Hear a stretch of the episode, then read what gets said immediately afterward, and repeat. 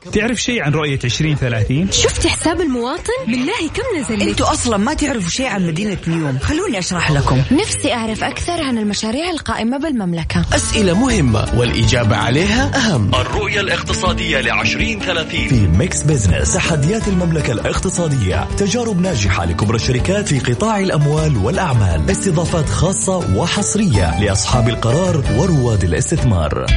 الآن Mix Business مع جمال بنون وأنس الحربي على Mix FM Mix FM هي كلها في ال mix.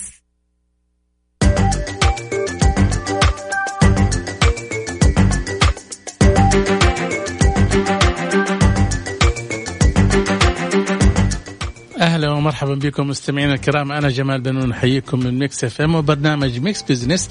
طبعا يشاركني آه، مثل كل أسبوع في التقديم الزميل أنس الحربي. مرحبا أنس.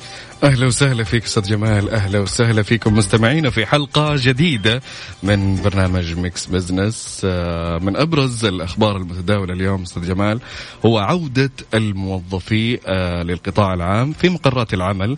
آه، وأكدت وزارة الموارد البشرية والتنمية الاجتماعية أن الأحد المقبل بيكون موعد عودة موظفي القطاع العام إلى مكاتبهم مع الالتزام بتطبيق البروتوكولات الوقائية في مقرات العمل.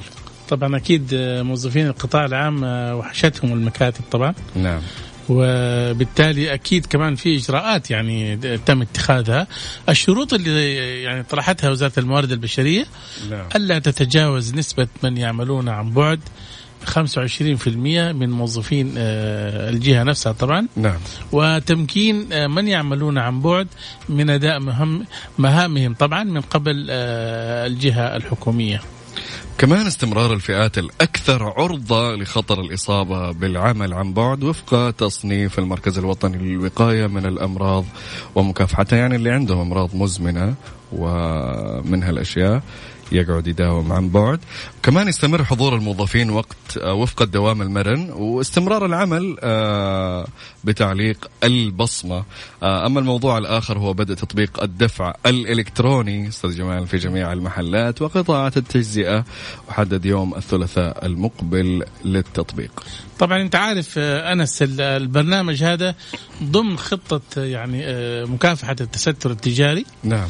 اللي كان منتشر الحقيقة بشكل لافت في في الاقتصاد السعودي. نعم. والآن تدريجيا يعني آه، بدأت الجهات الحكومية تحط لها ضوابط. يعني وجهت مؤسسة النقد طبعا آه، البنوك والمصارف وشركات خدمات المدفوعات العاملة في المملكة باستكمال جاهزيتهم استعدادا لتلقي طلبات تركيب وسائل الدفع الإلكتروني لكافة أنشطة آه، قطاع التجزئه طبعا.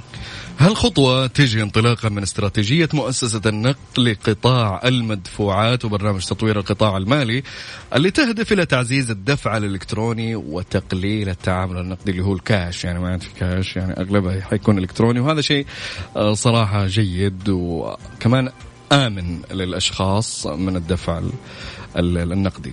وضمن البرنامج الوطني لمكافحة التستر التجاري في شأن يتعلق بخلق فرص عمل جديدة للسعوديين بدأت آه، منذ اليوم وزارة الموارد البشرية توطين تسعة أنشطة تجارية وفرص واعدة للسعوديين في سوق العمل بلغت نسبة التوطين فيها 70% طبعا آه، أنس آه، آه، نسبة التوطين 70% في منافذ بيع القهوة حلو. الشاي السكر العسل البهارات الفواكه والخضروات التمور ومواد البناء طبعا.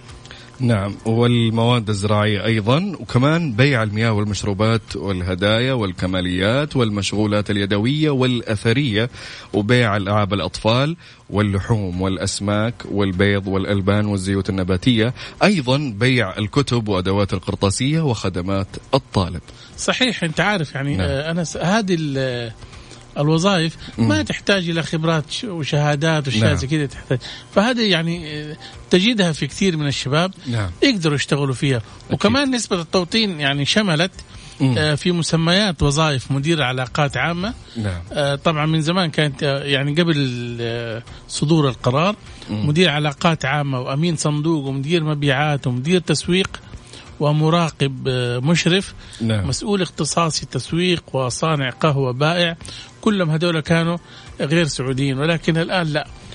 كلهم ح- اللي حيكونوا موجودين فيها سعوديين طبعا نعم. آه، يتوقع أن يضيف خطوة آه، وزارة الموارد البشرية نعم إلى سوق العمل آه، في حدود خمسين ألف وظيفة جدا جدا جميل وحيتاح يعني كثير من بعض ال- ال- المناصب أو الأشياء يعني ما يحتاج لأنه تجيب مثلا عامل مقيم فأظنك شفت معايا أنس قبل نعم. يومين كان في مقطع فيديو متداول في مواقع التواصل حتى على الواتساب. إنه آه، شاب متخرج من جامعة أمريكية. آه، شفت. ها؟ اللي يبيع شاي صحيح. إيه. ويبيع شاهي. وبعدين تخصصه تقني. وهذا التخصص مطلوب الآن. تقني. أمن أمن المعلومات أمن security يعني أنا صحيح. أتكلم عن تخصص جدا مطلوب زائد إنه جايب ماجستير تقريبا فيه آه ومتخرج مرته وتشرف أنا مستغرب كيف هذا ما حد يعني لكن أنا أحييه رادار. التوظيف ما ما صادوا ليش؟ غريبة يعني بس أنا احييه إنه ما جلس نعم، قاعد في نعم. البيت أنا احييها صحيح، للأمانة صحيح، يعني إنه صحيح. شخص طلع وورى العالم أنا مين نعم. لبس آه، زي التخرج ما. كان مغرور بشهادته إني نعم. أنا عندي نعم، ماجستير نعم. و... أكيد. صحيح يس فهو نزل الشارع اشتغل الشغلة اللي تجيب له قرشين نعم بالحلال ورزق حلال وربنا يشوف رزقه اظن بعد لما تم تداول المقطع نعم أظن أحد الشركات آه، طلبت توظيفه يعني الله ذاك. يوفق يا رب فلا هو لا هو صحيح هو صح عليه أنا أتكلم أي شخص مثلا حتى لو ما جاتك الوظيفة لا استغل الفترة هذه اللي تقعد فيها أنت جالس تنتظر وظيفة نعم. بشهادتك اشتغل فيها اشتغل كون لك مهارات خذ دورات طور نفسك أه، طلع لك مصادر دخل أخرى نعم. فيعني شيء جميل إنه الشخص يستغل الوقت الفاضي اللي ينتظر فيه الوظيفة طيب أستاذ جمال نأخذ فاصل. ونروح لفقرات البرنامج بعد الفاصل. مستمعينا خليكم ويانا بعد الفاصل. Mix Business مع جمال بنون وأنس الحربي على Mix FM Mix FM هي كلها في ال mix.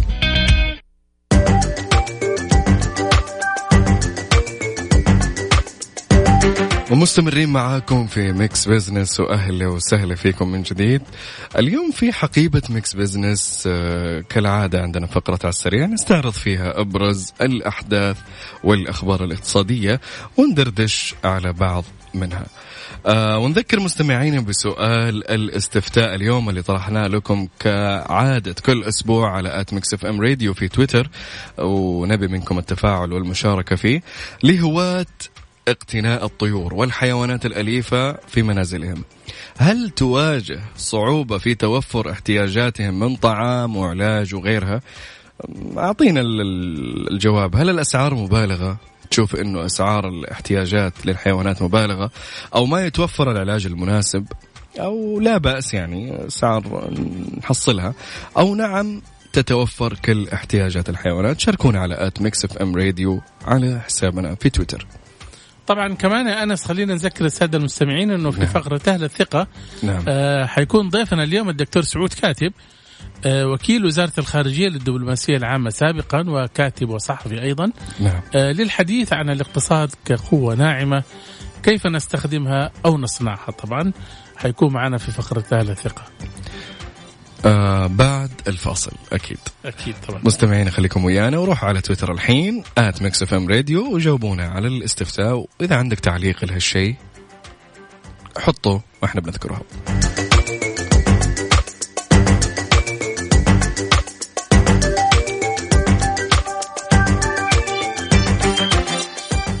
Mix Business مع جمال بنون وأنس الحربي على Mix FM Mix FM هي كلها في ال mix. أهل الثقة في Mix Business على Mix FM It's all in the mix. أهلا بكم مستمعينا من جديد مستمرين معكم في Mix Business طبعا أنس مفهوم القوة الناعمة طبعا آه غير جديد. نعم. إنما المصطلح تم ابتكاره في التسعينات الميلاديه. وهو استثمار عناصر الجذب الحضارية والثقافية وتصبح طبعا سمة تعرف بها بين الدول. على نعم. سبيل المثال حينما نتحدث عن البرازيل يخطر في ذاكرتنا اسم بيليه اللاعب الشهير طبعا. نعم.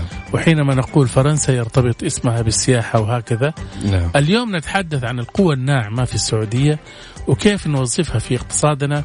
نعم. للمزيد طبعا حول هذا الموضوع نتحدث مع الدكتور سعود كاتب وكيل وزارة الخارجية للدبلوماسية العامة سابقا وكاتب وصحفي وأيضا آه، معد دراسة مسحية حول رؤية شاملة لاستراتيجية وطنية للقوى الناعمة السعودية مرحبا دكتور سعود يا هلا وسهلا أخوي جمال وشكرا جزيلا للاستضافة. أهلا وسهلا.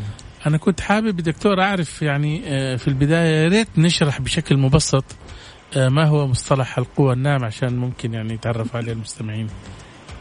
نعم أنا أعتقد إنه من المهم جدا إنه إحنا نتعرف على هذا المصطلح لأنه في الكثير من اللبس لما بنتكلم عن القوة الناعمة، لما بنتكلم على الدبلوماسية العامة، الدبلوماسية الشعبية، القوة الصلبة، آه، العلامة آه، علامة الدولة كل المصطلحات هذه آه، أنا بشوفها بتستخدم كثير خاصة في وسائل الإعلام ومن قبل بعض الكتاب ولكنها تستخدم في غير أماكنها وبالتالي من المهم جدا لنا أنه إحنا نعرف نفرق بين كل واحد منها والآخر خلونا نبدأ على سبيل المثال لازم نبدأ بالمظلة الأكبر وهي الدبلوماسية العامة آه، الدبلوماسية العامة يقصد بها التواصل مع الشعوب لأجل تحقيق أهداف السياسة الخارجية عبر توظيف القوة الناعمة للبلد طيب القوة الناعمة إيش هي؟ القوة الناعمة هي القدرة على تحقيق أهداف السياسة الخارجية كيف؟ بالجاذبية وبدون استخدام الإكراه أو الإغراء المادي. يعني لا نستخدم قوة عسكرية ولا نستخدم إغراء مادي لأجل تحقيق هذه الأهداف. طيب كيف نقدر أن نحققها؟ هناك العديد من مصادر القوة الناعمة. آه، أهمها الثقافة ثقافة البلد الجذابة للآخرين قيم البلد السياسية آه، التعليم إنجازات البلد العلمية والرياضية والإنسانية والأخلاقية كل الأمور هذه بتشكل مصادر جذب مصادر للقوة الناعمة للبلد. طيب إذا كانت هذه هي القوة الناعمة طيب إيش هي القوة الصلبة؟ القوة الصلبة يقصد بها بكل بساطة القوة العسكرية والقوة الاقتصادية آه، المتمثلة في الموارد الطبيعية في الثروات في كل الأمور هذه. آه، هذا ببساطة التعريفات اللي إحنا نبدأ بها يعني أفهم منك يا دكتور إن القوة الناعمة هي إظهار آه ثقافة المجتمع عن طريق مسلسل أو فيلم أو ايا كان. آه تكون زي كذا آه مختصر القوة الناعمة. القوة الناعمة زي أنا ما قلت إنه أنت نعم. يكون لك جاذبية أي حلو. إنسان في الدنيا يعني في ناس أول ما تشوفهم مم. تقول والله الشخص هذا عنده كاريزما حلو إيش المقصود بالكاريزما لما بنوصف بها شخص معين معناها إنه الشخص هذا أنت لما تقابله آه لمجرد إنك شفت شكله سمعت صوته نبرات كلامه طريقة كلامه ابتسامته نظراته كل الأمور هذه آه، أعطتك إحساس وانطباع جيد عن هذا الشخص. صحيح. آه، وبالتالي لو طلب من لو طلب منك أي شيء بتوافق عليه فقط لأنه لديه كاريزما. الدول أيضا لديها كاريزما. ما هي كاريزما الدول؟ كاريزما الدول هي قوتها الناعمة. كيف هذه القوة الناعمة؟ ممكن توظيفها في كافة الجوانب. آه الموضوع ببساطة له علاقة بالسمعة. آه نعم. سمعة الدول مهمة جدا وكلما تحسنت سمعة الدول عند الشعوب الأخرى وعند الدول الأخرى يسهل عليها تحقيق أهدافها السياسية وأهدافها الاقتصادية وأهدافها الاستثمارية.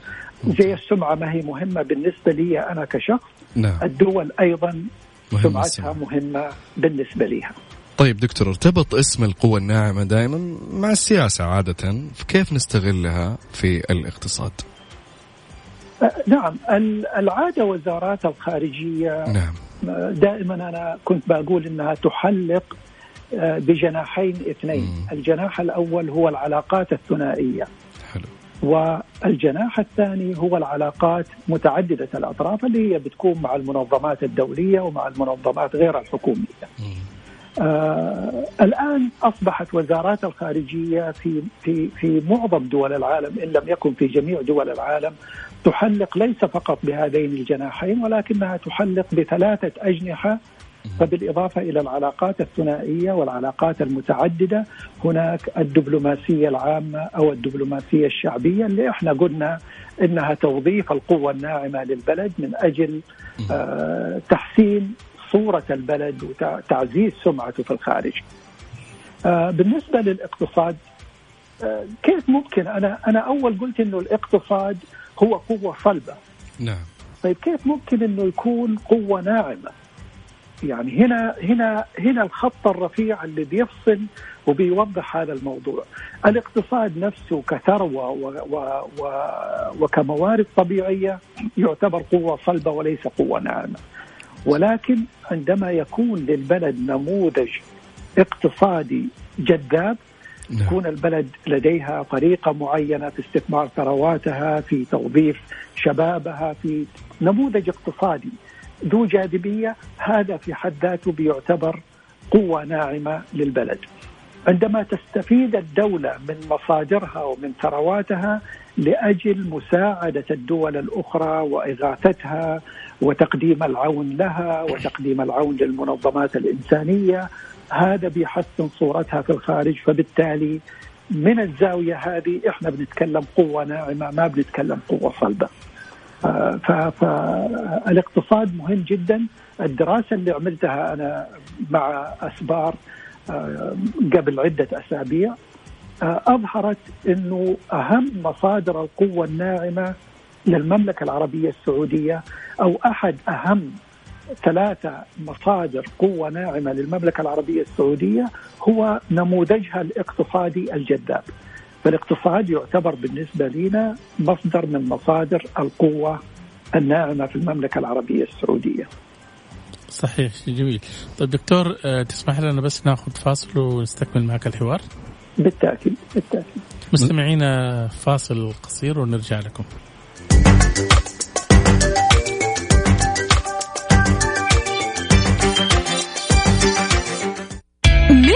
Business مع جمال منون وأنس الحربي على Mix FM Mix FM هي كلها في ال mix. أهل الثقة في Mix Business على Mix FM It's all in the mix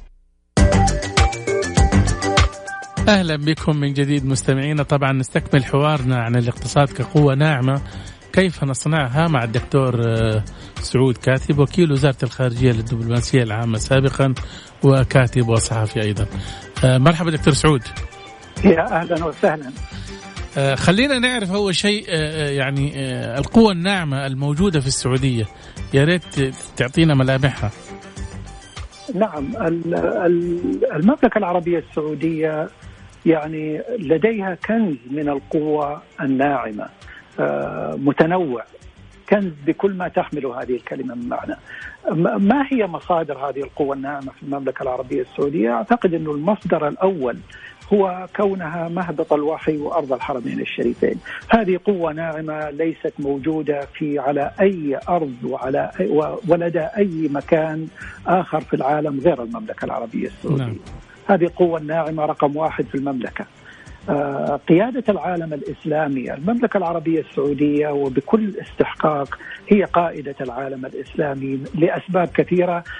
منها كونها مهبط الوحي وارض الحرمين الشريفين، كون دستورها هو شريعة آه، الشريعة الإسلامية، المواقع الإسلامية اللي موجودة فيها، الخدمات اللي بتقدمها والمساعدات اللي بتقدمها للدول الإسلامية بشكل لا يقارن مع أي جهة ثانية بيجعلها قائد للعالم الإسلامي وبالتالي بيمنحها آه، هذه القوة الناعمة المهمة. آه، التعليم في المملكة أيضا يعتبر قوة ناعمة من خلال عدد الجامعات الكبيرة الموجودة فيها والتميز في التعليم العالي آه، الثقافة في المملكة العربية السعودية. هناك أيضا أفراد أشخاص في المملكة نستطيع أن, أن نصفهم بأنهم مصدر من مصادر القوة الناعمة. خليني أعطيك مثال واحد فقط. الفنان محمد عبده على سبيل المثال. أنا نعم. أعتبره مصدر من مصادر القوة الناعمة المهمة للمملكة العربية السعودية. آه التنوع البيئي والتنوع الثقافي. المملكة فيها تنوع بيئي. زمان كانت الصورة الموجودة عن المملكة. أذكر وأنا في أمريكا كانوا متخيلين أنه إحنا فقط صحراء. نعم. ما كان يخطر على بالهم إنه عندنا كل أنواع التنوع البيئي، إذا بغيت المرتفعات الجبال في الجنوب والخضار والجو الجميل آه، موجود باستمرار. إذا رحت للشمال لها طبيعة مختلفة. إذا حبيت الصحراء تستطيع أن تجد وأظن. كمان يا دكتور وقتها ساعدت في التعريف بالسعودية معارض المملكة بين الأمس واليوم التي كانت تقام. صحيح صحيح. صحيح هذا هو كان يعني آه، من البدايات الأولى لتوظيف القوة الناعمة السعودية حتى لو لم يكن مفهوم القوة الناعمة وقتها موجود ولكنها كممارسة موجودة من مدة طويلة ففعلا آه، معرض المملكة بين الأمس واليوم اللي كان في البداية اسمه معرض الرياض بين الأمس وال- نعم. واليوم هو يعتبر شكل من أشكال الدبلوماسية آه، العامة فبالتالي هذه كلها المصادر بتمنح المملكة فرصة ذهبية وفرصة قوية جدا المهم أنها تستغل آه، لأنه في نقطة هامة جدا أنه أنت قد يكون لديك قوة ناعمة ولكن عدم وجود استراتيجية وعدم محاولتك لتوظيف هذه القوة الناعمة والاستفادة نعم. منها يجعل هذه القوة الناعمة غير مفيدة آه، وغير مستغلة وبالعكس ربما تكون في بعض الحالات آه، سلبية طيب دكتور كيف ساعدت رؤية السعودية 2030 في إطلاق هالقوة الناعمة اللي تقف في صفوف العالم؟ آه، أنا في كتابي الأخير عن الدبلوماسية العامة ذكرت أنه آه، رؤية 2030 تعتبر عيد ميلاد القوة الناعمة السعودية.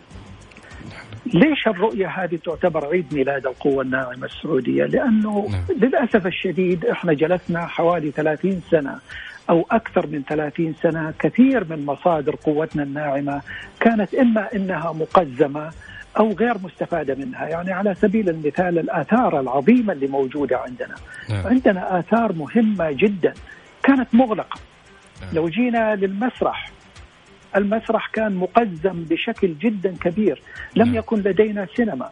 آه، بالنسبة للفنون أيضا كانت تمارس بتحفظ شديد آه، جدا. نعم. آه، وما كانت مستفادة منها وما كانوا الناس بيعرفوها في جميع أنحاء العالم عندنا. الطبيعة اللي موجودة عندنا التنوع البيئي والتنوع الثقافي لم يكن مستغل. فكانت الصورة المأخوذة عن المملكة العربية السعودية هي أنها صحراء فقط.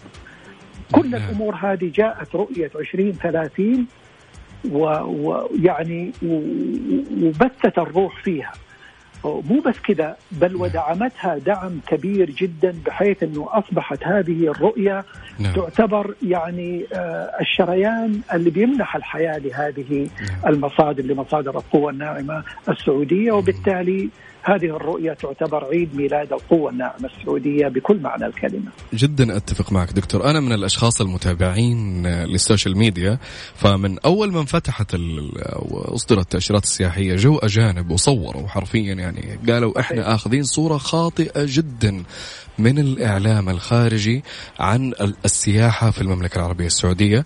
وشفت يعني منبهرين بالخدمات بتعامل الشعب اللي آه، صراحة رف... تحية كبيرة للشعب السعودي في تعاملهم نعم، وعطائهم مع الأجانب. نعم. صحيح. خليني أعطيك مثال مهم جدا. آه يعني يمكن كثير من الأشخاص أو حتى الصحفيين نعم. آه تعرضوا لهذا الموضوع. ترى. أحد مصادر القوة الناعمة السعودية هي المرأة السعودية نفسها. نعم. آه، المرأة السعودية يعني آه كان هناك حمل ثقيل يقع على يعني على على عاتق الإعلام الخارجي السعودي، كانت كثير من الاتهامات كانت ولا تزال. اتهامات للاعلام الخارجي السعودي نعم. بأنه مقصر وبانه ما بيظهر صورة المملكة آه، وشكلها الحقيقي، الحقيقة أنا ما أعرف آه، صحيح الإعلام السعودي آه، مطلوب منه أكثر. أكيد وسقف التوقعات منه أكبر بكثير ولكنه في النهاية لا يملك عصا سحرية يستطيع انه يقول للعالم يا عالم آه، غيروا صورتكم عننا من كذا نعم. إلى كذا. هذا الشيء ما يحصل لابد أن يكون هناك مجهود كبير يبذل في هذا الموضوع. آه، خليني أعطيك المثال اللي أنا أبغى أقوله وهو قيادة المرأة للسيارة. مم. في كل مناسبة وفي كل لقاء يتم مع الإعلام الغربي ولا مع مسؤولين غربيين كانوا دائما أنتم مضطهدين المرأة، ليش يا جماعة إحنا مضطهدين؟ ما نعم. أنتم الدولة الوحيدة في العالم اللي المرأة ما تقود فيها اظنها. كانت حجة دكتور إنه دائما بس عشان يعني يأخذوها كموال يعني بس ولكن الحمد لله جات. صحيح هي جا- كانت عبء كبير نعم نعم وحصل فرق كبير عندما تم تمكين المرأة ليس فقط في موضوع القيادة موضوع نعم. القيادة هو فقط جزء في بسيط مختلف المجالات نعم. نعم ولكن تمكين المرأة في الوظائف تمكينها في في كل المجالات ما شاء الله الآن كل تجد. المرأة ونسبة التوظيف حتى في المناطق صحيح. القيادية عاليه جدا. صحيح. دكتور سعود ادركنا الوقت الحقيقة والحديث معك ممتع ولكن انت عارف يعني القوه الناعمة كمصطلح حديث نأمل أن يستخدم بطريقة أفضل لأنها وسيلة للاقناع أو الدعاية بدون جهد مادي طبعا. شكرا لمشاركتك آه، معنا دكتور شكرا سعود. لكم. الله يعطيك جزيلا. العافية دكتور شكرا لك. في أمان الله. مع السلامة. طبعا كان معنا الدكتور سعود كاتب وكيل وزارة الخارجية للدبلوماسية العامة سابقا وكاتب وصحفي. وتحدثنا عن القوى الناعمة في آه، الاقتصاد آه، السعودي. مستمعين فاصل ونرجع لكم.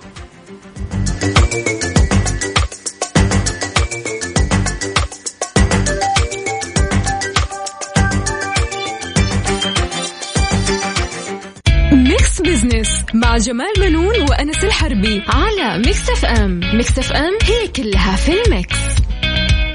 على السريع في Mix Business على Mix FM. It's all in the mix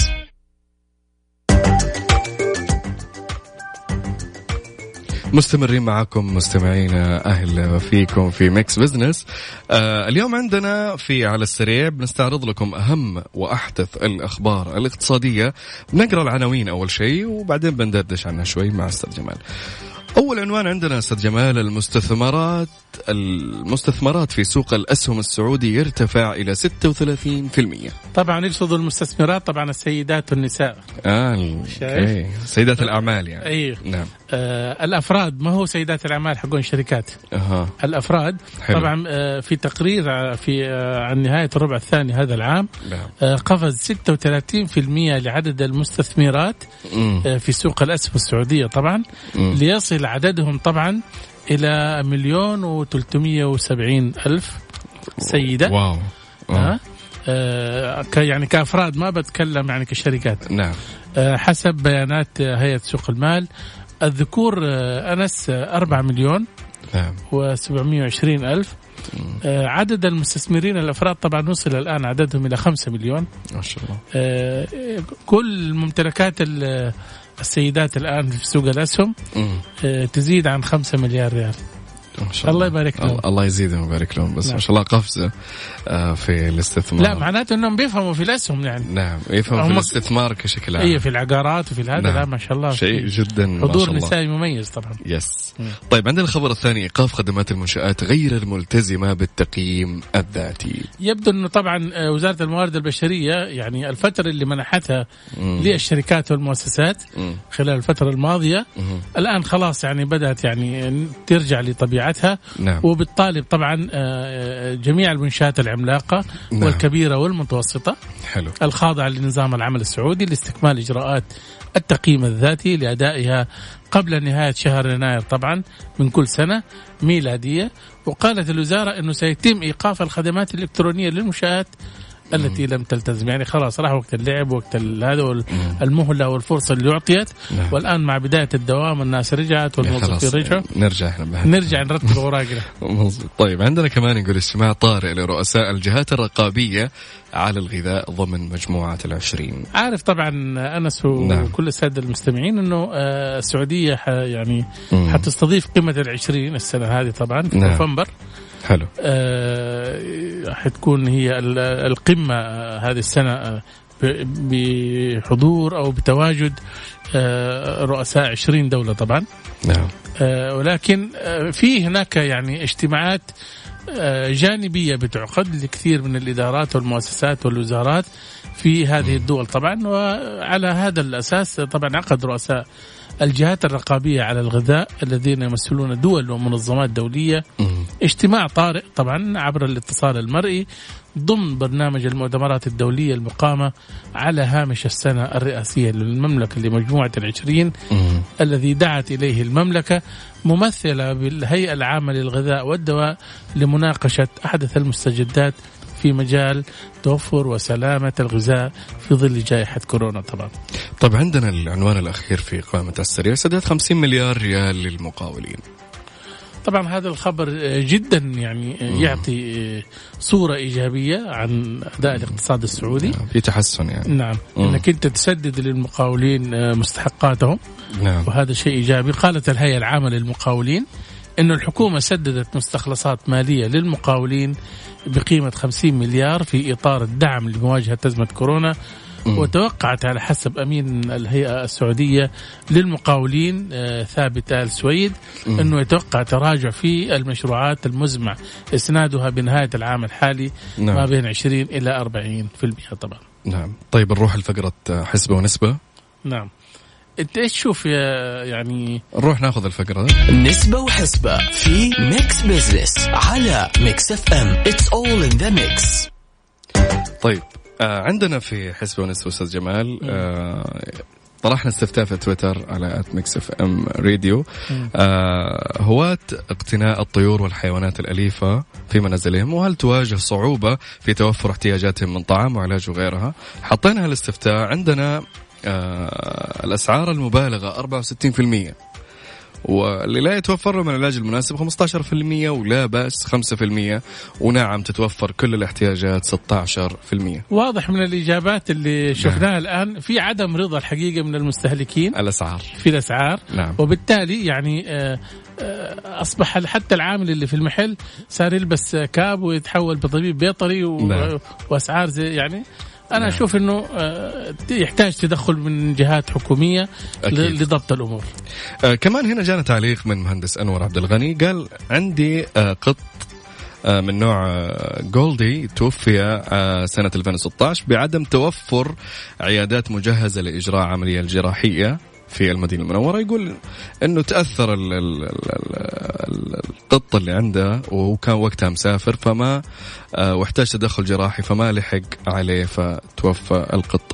طيب بالنسبة للعيادات ال- الجراحية أو العيادات ال- المتوفرة البيطرية نعم لل- للحيوانات ما أدري هل هي متوفرة بكثرة أو لا, لا طبعا في أزمة الحقيقة يعني نعم. نعم. في السعودية طبعا ليش؟ مم. لأنه أساسا ثقافة تربية الحمام والطيور والحيوانات الاليفه جديدة ترى على مجتمعنا لا- جداً. إيوه كانت أظن مع الانفتاح الثقافي والعولمة اللي بدأت بين الدول ويعني اللي حاصله والأول بس كانت عندنا حمام بالضبط. شايف ولكن تطورت وأصبحت يعني هناك حيوانات كثيرة يعني. فإن شاء الله بإذن الله مستقبلا تتحسن كل. هالأمور بإذن الله والرؤية بإذن الله. يعني في أشياء جدا قادمة كثير وتطور أكبر بكثير مما كنا عليه في السنوات السابقة.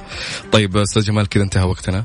يعطيكم ألف عافية. شكرا لاستماعكم. نشوفكم إن شاء الله الأحد المقبل نفس التوقيت في Mix FM وموضوعات جديدة بإذن الله. في أمان الله. في أمان الله.